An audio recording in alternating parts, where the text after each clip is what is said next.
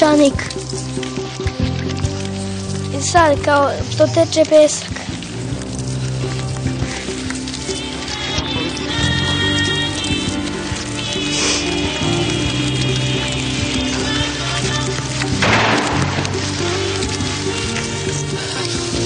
On je čovjek dosadan.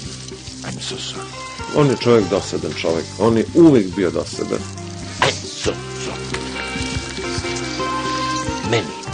Peščanik.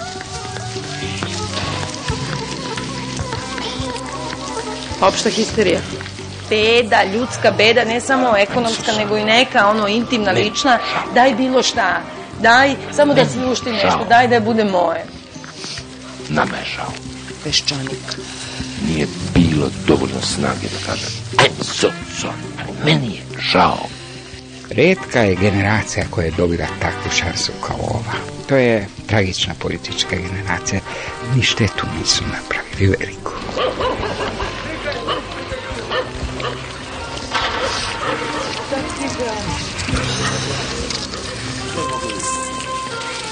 Peščanik.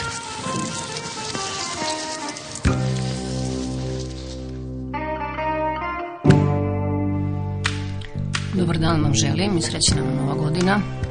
Izgleda da još uvijek traju dani ruske salate, pečenja i sarmi. Dremamo ovako zajedno do sledećeg praznika, do Božića. Samo nekako da preživimo posno badnje veče, pa onda opet juriš na meso. Srećom za Božiće će nam razne televizije predvođene Pinkom prikazivati čedne filmove o Isusovom rođenju. Do tada treba preživeti, a ne povratiti još neku reprizu pornografskog programa, čije su glavne zvezde ministar pravde i čovek koga je premijer zadužio da brine o pisanju novog ustava Srbije, gospodin Mladan Batić, predsednik najvišeg zakonodavnog tela Vojvodine, gospodin Nenad Čanak, gospodin Milan Srte Protić, čuvar srpske časti, kulture i tradicije. Naravno, njih trojića su u svojoj skrivenoj kameri često pominjali svog gurua, Velju Ilića i njegove observacije na butkice Medlin Albright. U ovoj novogodišnjoj paradi prostakluka, čiji su glavni protagonisti oni koji treba da nas što bezbolnije provedu kroz ovo što se zove tranzicija, učestvovao je jedan od najbližih premijerovih saradnika i savjetnik ili zamenik štalije Saveznog ministra policije, gospodin Goran Vesić. On je bio ceremonijal majstor u drugoj skrivenoj kameri Pink televizije. Eto vidite, Vesić je napredovao, ranije je samo bio stalni gost na žurkama Željka Mitrovića, a sada je unapređen u novinara saradnika ove ugledne televizijske kuće.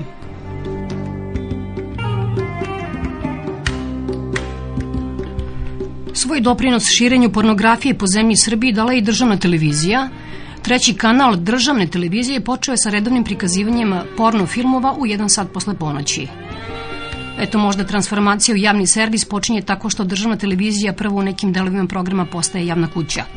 Pa onda kad se nagledamo porno filmova, za sada mekih, onda će sve biti lakše i ulivaće nam nadu da kada počne tranzicijona kriza, velika otpuštanja, državna televizija možda počne i sa prikazivanjem tvrdih pornića. Samo tada će tražiti i da pretplata bude veća od 3210 dinara, ali neki ide živo da platimo.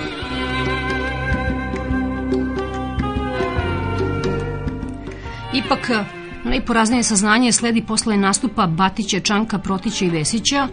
Oni su, verujem, dali dozvolu da se sve te bljuvotine emituju, što znači da su sebe doživjeli kao simpatične, duhovite i nada sve muževne. Batić i Protić su kao demohrišćani, Čanak i Vesić su kao takozvana građanska opcija i verovatno će se sporiti oko preambule novog ustava. Da li će da piše, kao što veliki Srbi to žele, da je Srbija država srpskog naroda i ostalih naroda koji tu nekom nesrećom žive, ili je to država svih njenih građana?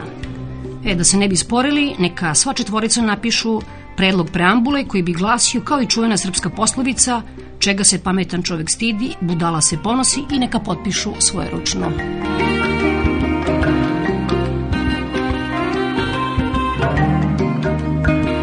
A nama ostaje da čekamo izbor i da kažemo šta mislimo o nekim članovima naše političke elite, pa šta izaberemo, to ćemo i gledati.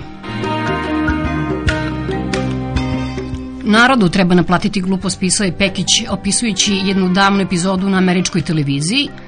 Naime, neki protestantski pastor iz Sjedinjih američkih država je preko televizije javio zemljacima i hrišćanima da je imao dosta neprijetan razgovor sa Bogom koji ga je ucenio. Ili će pastor Roberts do određenog roka da sakupi 4,5 miliona dolara, ili će gospod da ga likvidira. Nagradu za građansku glupost, pisao je Pekić, ne zaslužuje pastor, nego solidarno je dele svi oni građani koji su mu u roku od nekoliko nedelja posle besede dostavili milion dolara.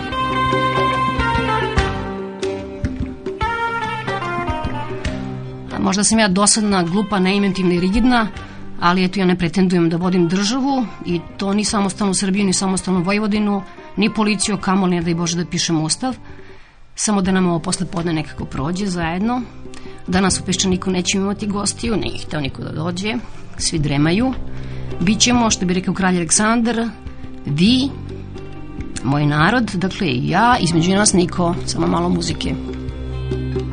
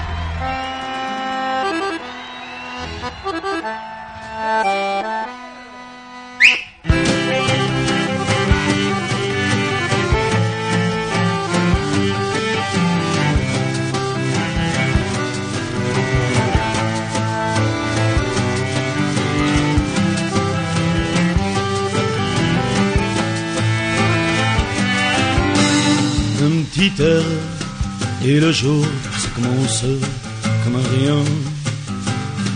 Une brume et d'embrun qui a frappé ton corps malade. Toi tu disais, il y a des matins, j'ai la gueule à côté. Les trottoirs du hasard et la pluie dans le cou.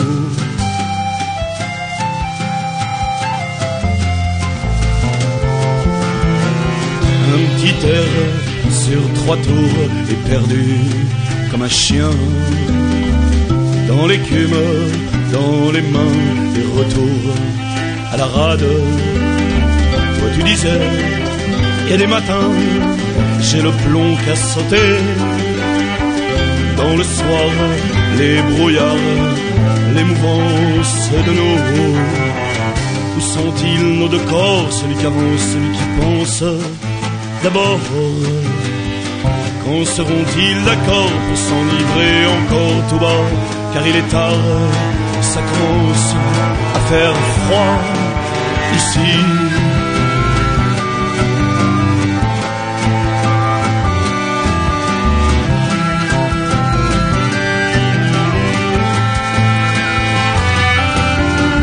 Le petit air est toujours, il se comme rien. Sur les plumes de satin de nos peaux un peu fades. Toi tu disais, il y a des matins, j'ai la vie en moitié. De mémoire, de guitare, trois accords et c'est tout.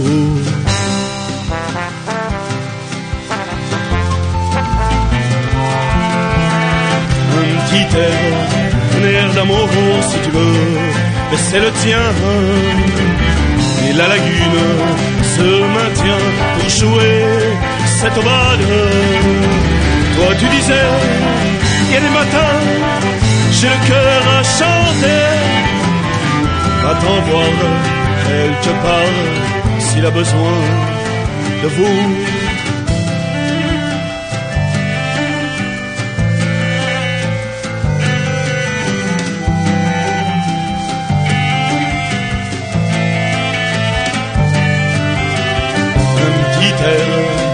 Le jour.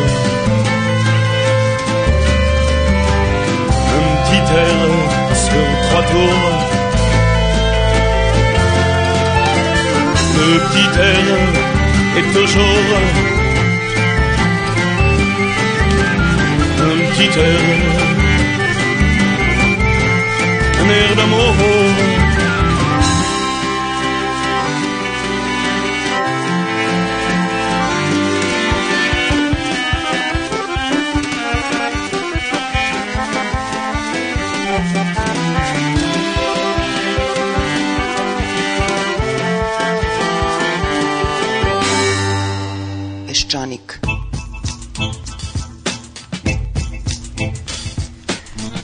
Dakle, jedan praznik smo preživjeli, evo stiže novi, Božić, mada je on većini hrišćana na zemaljskoj kugli prošao 25. decembra. Proslavili su ga kako ko. Dve najtužnije slike bile su ona iz a, crkve Hristovog rođenja u Vitlemu. Božićnoj službi prisustvovali samo nekoliko vernika, naravno zbog palestinsko-izraelskog sukoba. I druga tužna slika je bila je a, stigla iz Rumunije. Rumuni su palili sveće na grobu Nikolaja Čaušeskog koji je zajedno sa suprugom Melenom streljan baš na Božić 1989. godine. Amerikanci su naravno kupovali poklone, kažu da je samo preko interneta za božićnje i novogodišnje poklone potrošeno više nego lane i to mnogo više, čak 8 milijardi dolara a nama treba samo tričavih milijardu dolara investicije iduće godine pa da budemo na konju, to jest na Irvasu Božić Bate. Ali za nas je milijardu mnogo.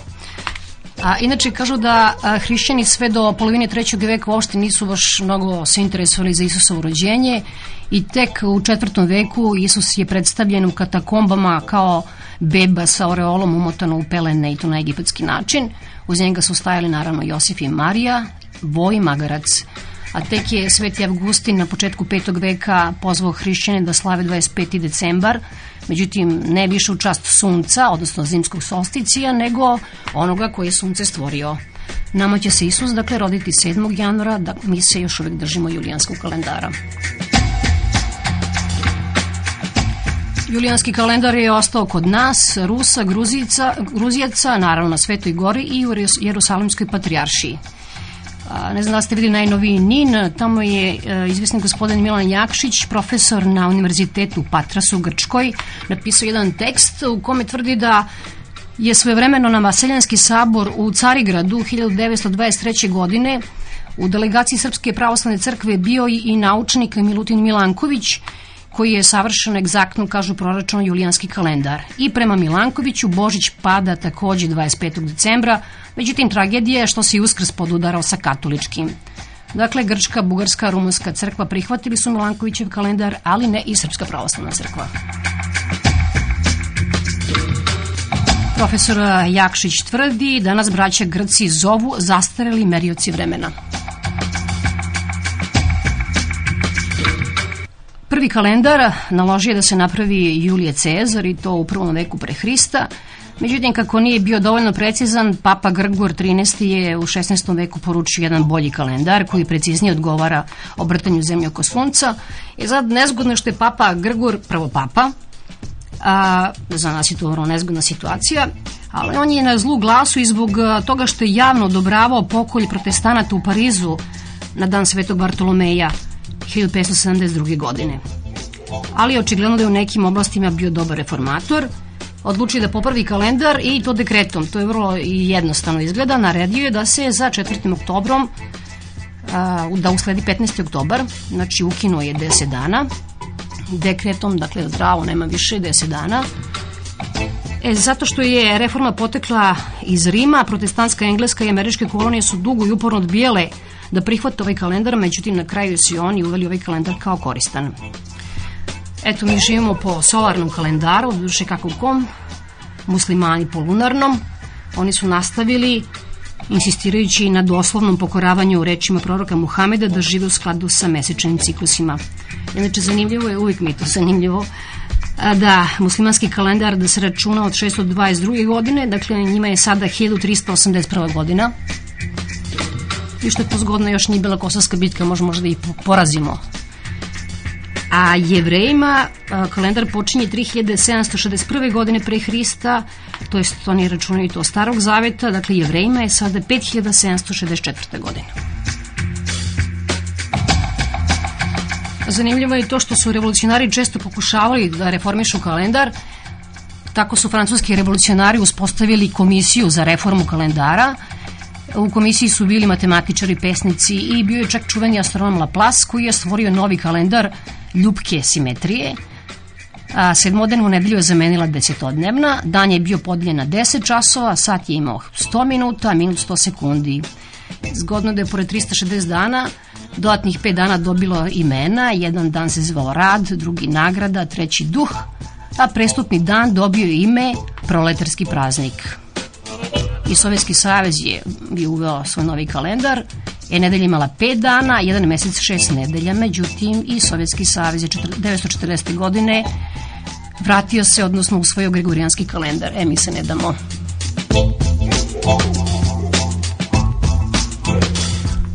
Ovo je Peščanik, sada je 4 sata i 24 minuta.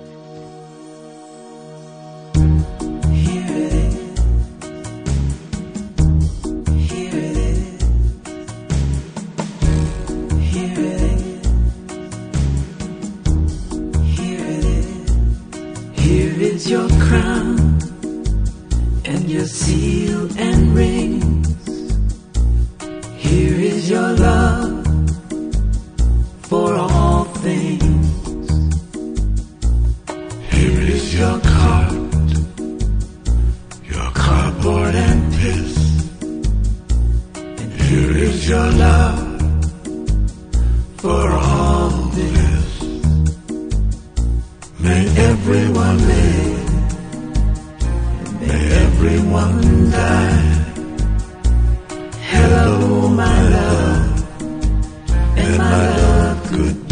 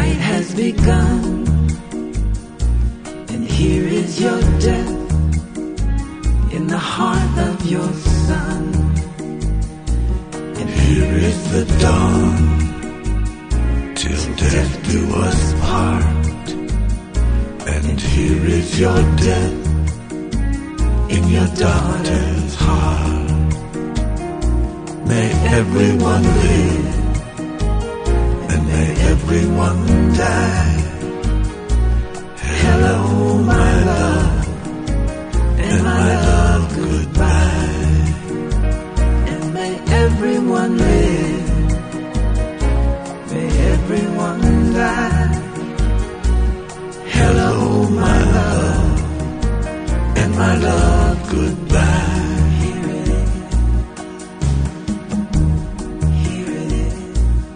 here you are hurried, and here you are gone, and here is the love, it's all built.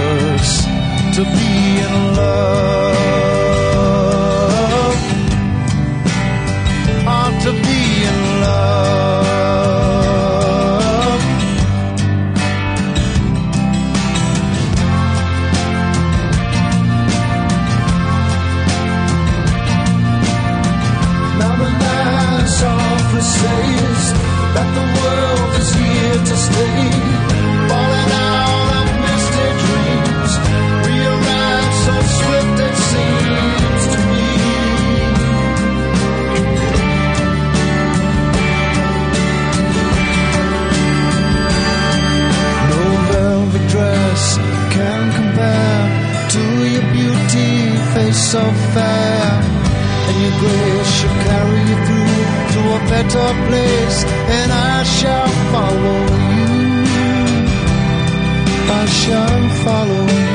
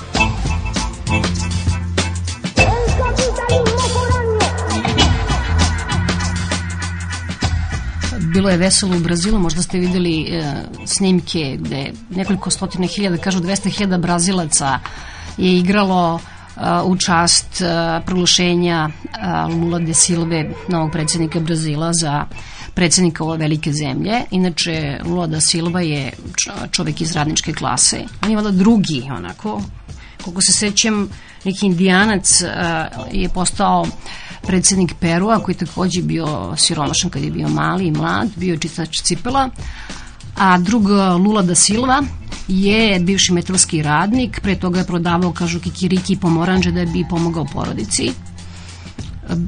Tamo je bio naš premijer na inauguraciji, mada bi bilo bolje da je poslao Milenka Smiljanića da ostane ovde da pazi na Vesića.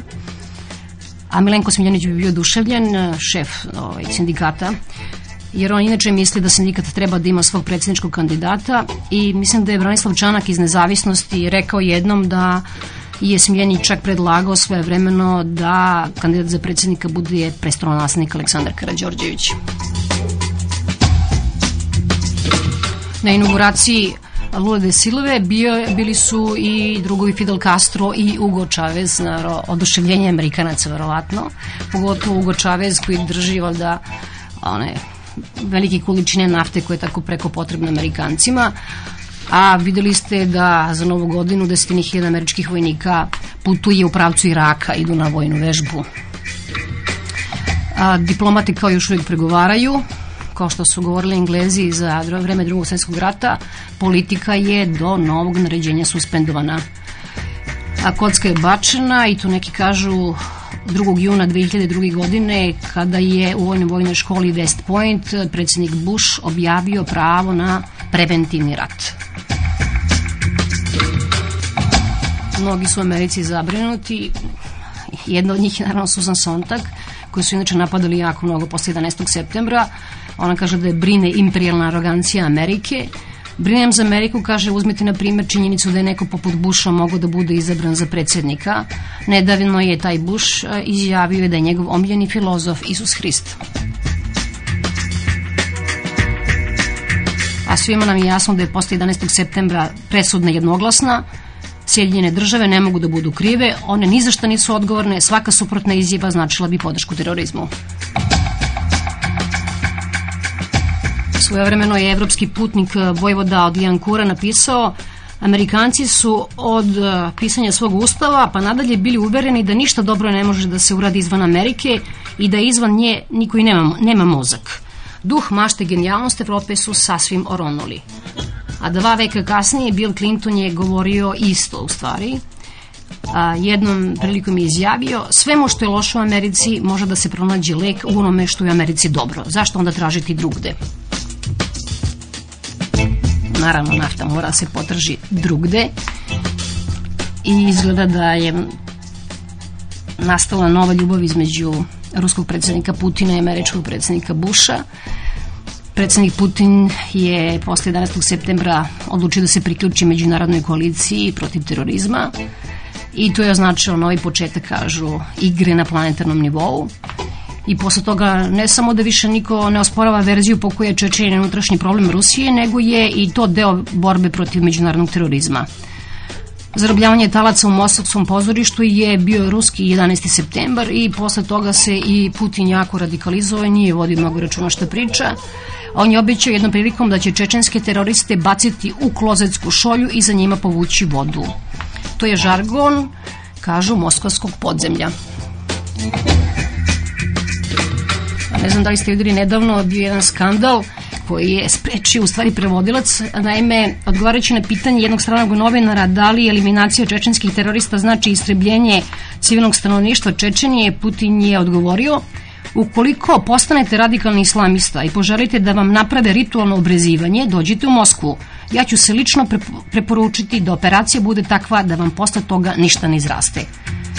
Prevodilac je onda intervenisao pa je ublažio malo Putinove reči.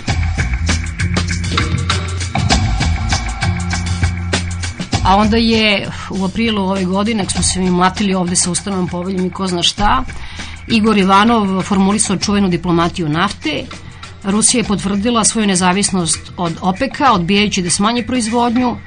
Naravno, Putin je dobro shvatio želju Amerike da razvije alternativnu mrežnu sadevanja kako bi smanjala svoju zavisnost od arapskih zemalja, izvoznica nafte. I onda je usledio jedan istorijski događaj, a, jedan naftni jedan ruski naftni supertanker zvao se Astrolupus uplovio u američku luku sa ne znam koliko hiljada barela ruske nafte. Kada smo onomad u Sarajevu ubili Ferdinanda, naslednika Habduške monarhije i spremao se prvi veliki rat, Hašekov junak Švejk sedi kod kuće sa gospođom Miller i leči svoje artetične noge. Ubiše nam Ferdinanda, kaže gospođe Miller. Švejk se čudi, kaže kog Ferdinanda, jer onog što je nekada skupljao pseći gomilici ili onog što je jednom popio tečnost za kosu. Ovu scenu je opisao Milan Kundera i on kaže da kroz Švejka ne progovara naravno neznanje ili glupost, već odbijenje da se prizna značaj istorije. A istovremeno kada Švejk mozga koji je Ferdinand ubijen, Kafka zapisuje u dnevniku, Nemci su objavili rat Rusiji na bazenu popodne.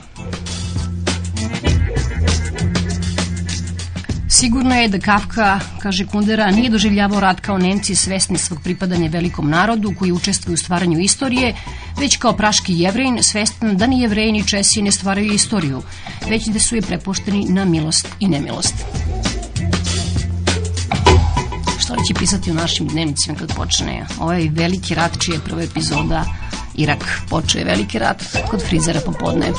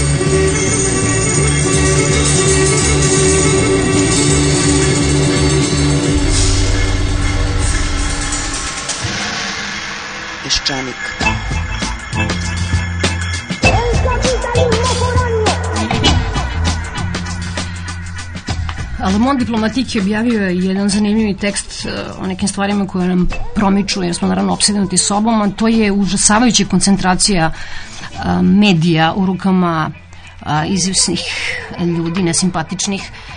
Le Monde Diplomatique piše da su industrijski mastodonti na području naoružanja, telekomunikacija građevine krenuli u osvajanje oblasti informisanja i to ubrzano u 2002. godini. Uspeli su da izgrade džinovske imperije i da zatru neke osnovne postavke i vrednosti, na primjer da se pruži valjana i pouzdana vest, na primjer o Iraku. Džinovski konglomerati drže mediju šaci, recimo u Americi, gde je nedavno ukinut zakon protiv koncentracije audiovizualnih medija, Amerika Online kupila je magazin Time, hollywoodsku kuću Warner Bros, stalni informativni kanal CNN, Netscape i tako dalje. General Electronic, prvo svetsko preduzeće po visini svog betanskog rejtinga, kupilo je TV mrežu NBC.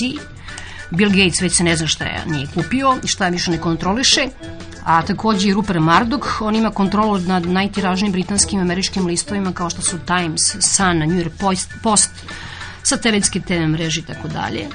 Silvio Berlusconi ima tri najveće privatne TV kanala u Italiji i kontroliše kao predsednik upravnog odbora sve javne televizijske kanale. Najčešće nam promiče Francuska, je tamo je zanimljiva situacija. Grupa DASO, koju predsedava gospodin Daso, Serge Daso, Inače, francuski desničarski političar koji već kontroliše Figaro i mnoge regionalne novine, kupila nedeljnik Ekspres i još 14 drugih listovi časopisa. Onda postoji grupa Lagardère, koja je predsedava gospodin Lagardère, blizak predsedniku Širaku, ima najveću izdavačku kuću, ima silne novine, počeo od Pari Marča, Ella i tako dalje. E sad ovim dvema kompanijama da su, dakle, Lagardère, koji od sada suvereno vladaju francuskim medijima, zajednička je zabrinjavajuća okolnost da su se stalno uvećavale na osnovu probitne kao male firme, a osnovna delatnost te probitne firme bila je vojne prirode. Oni su naime trgovali avionima, presretačima, helikopterima, projektilima i satelitima. Prema tome, piše Le Monde Diplomatique, objestinilo se davnašnji strah, neki od najvećih medija su u rukama, u rukama prodavaca oružja.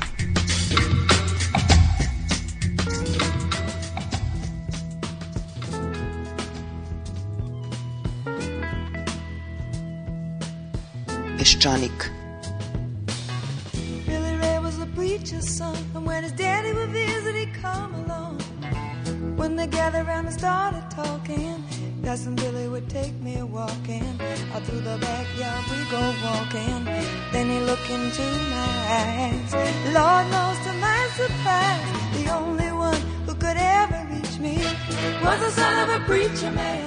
The only boy who could ever teach me Was the son of a preacher man. Yes he was, he was. Mm,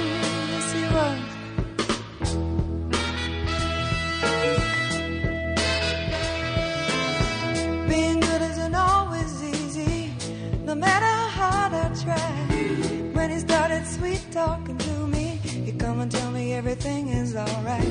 He kiss and tell me everything's alright. Can I get away again tonight? The only one who could ever reach me was the son of a preacher man. The only boy who could ever teach me was the son of a preacher man. Yes, he was. He was. The Lord knows he was. Yes, he was.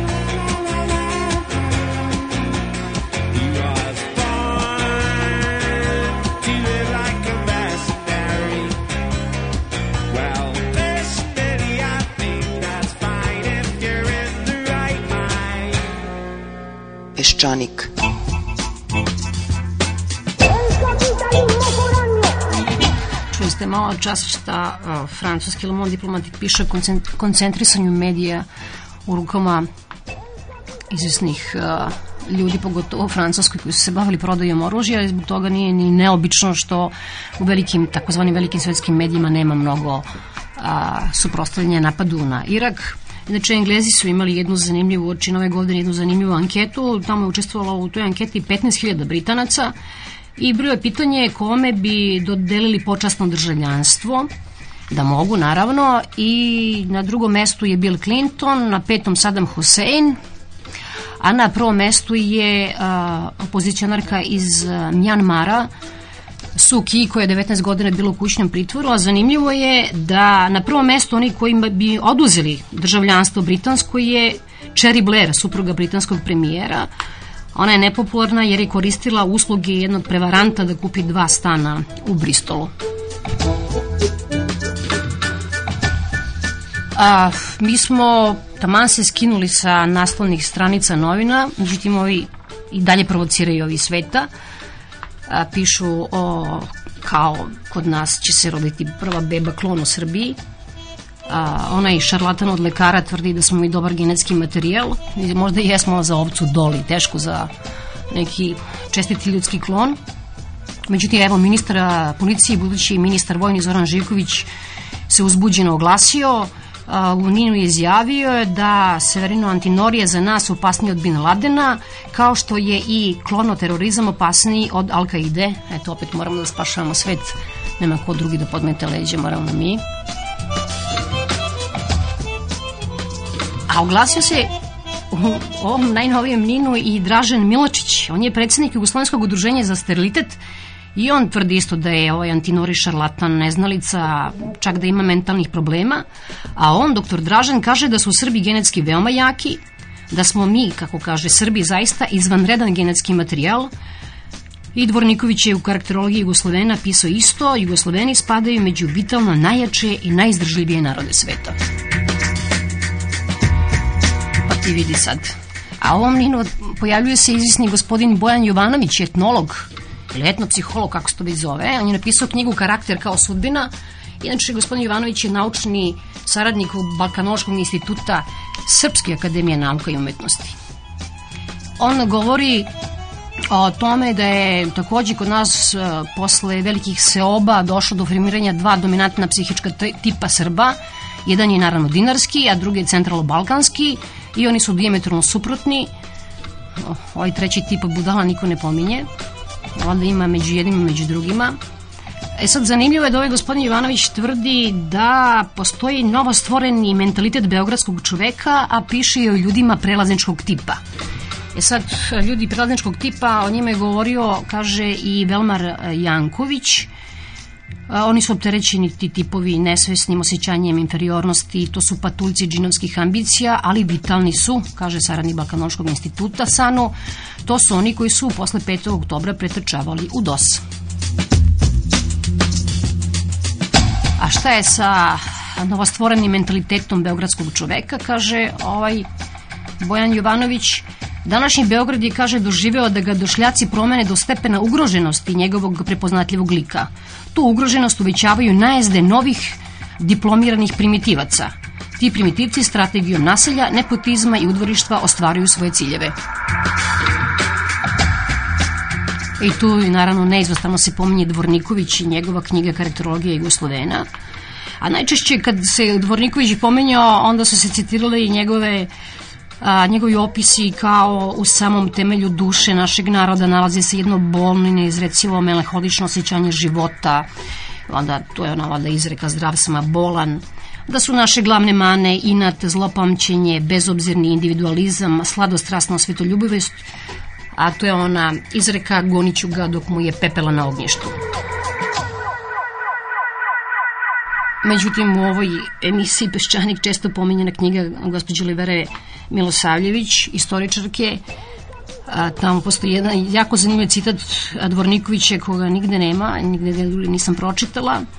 E šta je još Dvorniković, na koga se svi pozivaju, pisao? Jugoslovenije spadaju među prirodno najdarovitije narode Evrope. E sad, prosečna veličina mozga za Jugoslovene je 1525 cm, a za druge narode, na primjer Holandžani imaju 1382 cm kubna mozga, Crnci 1330, Egipćani 1336, Indici 1275. E, najbliži su nam Kinezi i oni imaju 1456 cm kubnih mozga. Dakle, kaže Dvorniković, za celu Evropu prosek je 1450 cm, a mi imamo 75 cm kubnog mozga više. To je važilo za Jugoslovene, međutim kad se Jugoslavija raspala, podelite sa 6, pa mi podelimo još sa 2 na 8, onda ispadne malo. Vidite, svi su se digli protiv ovog kloniranja, vernici posebno, kažu Bog je jedini tvorac i pravi tvorac, samo on zna plan igre. Samo on ima taj master plan. Međutim, nedavno sam pročitala izjavu doktora Jovana Babića, profesora etike. On kaže, preuzimanje uloge tvorca nije konačan argument protiv kloniranja, jer mi ulogu tvorca vršimo svaki dan, kad god da nešto odlučimo. Ako je, dakle, mogućnost kloniranja, kaže on, već sadržana u prirodi čoveka, onda je ona morala biti sadržana i u tvorčevoj zamisli o svetu i prirodi, inače ne bi postojala. I onda ide ta rečenica uvijek koja me nervira, mogućnost izbora zla je neizbežan sastojak slobode, e, s tim se mora živeti.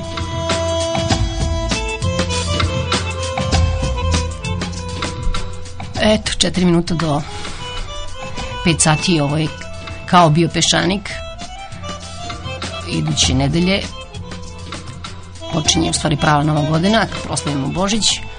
Vama koji, česti, koji slavite Božić 7. januara čestitamo napred hvala vam još jednom što ste slušali peščanik prijetno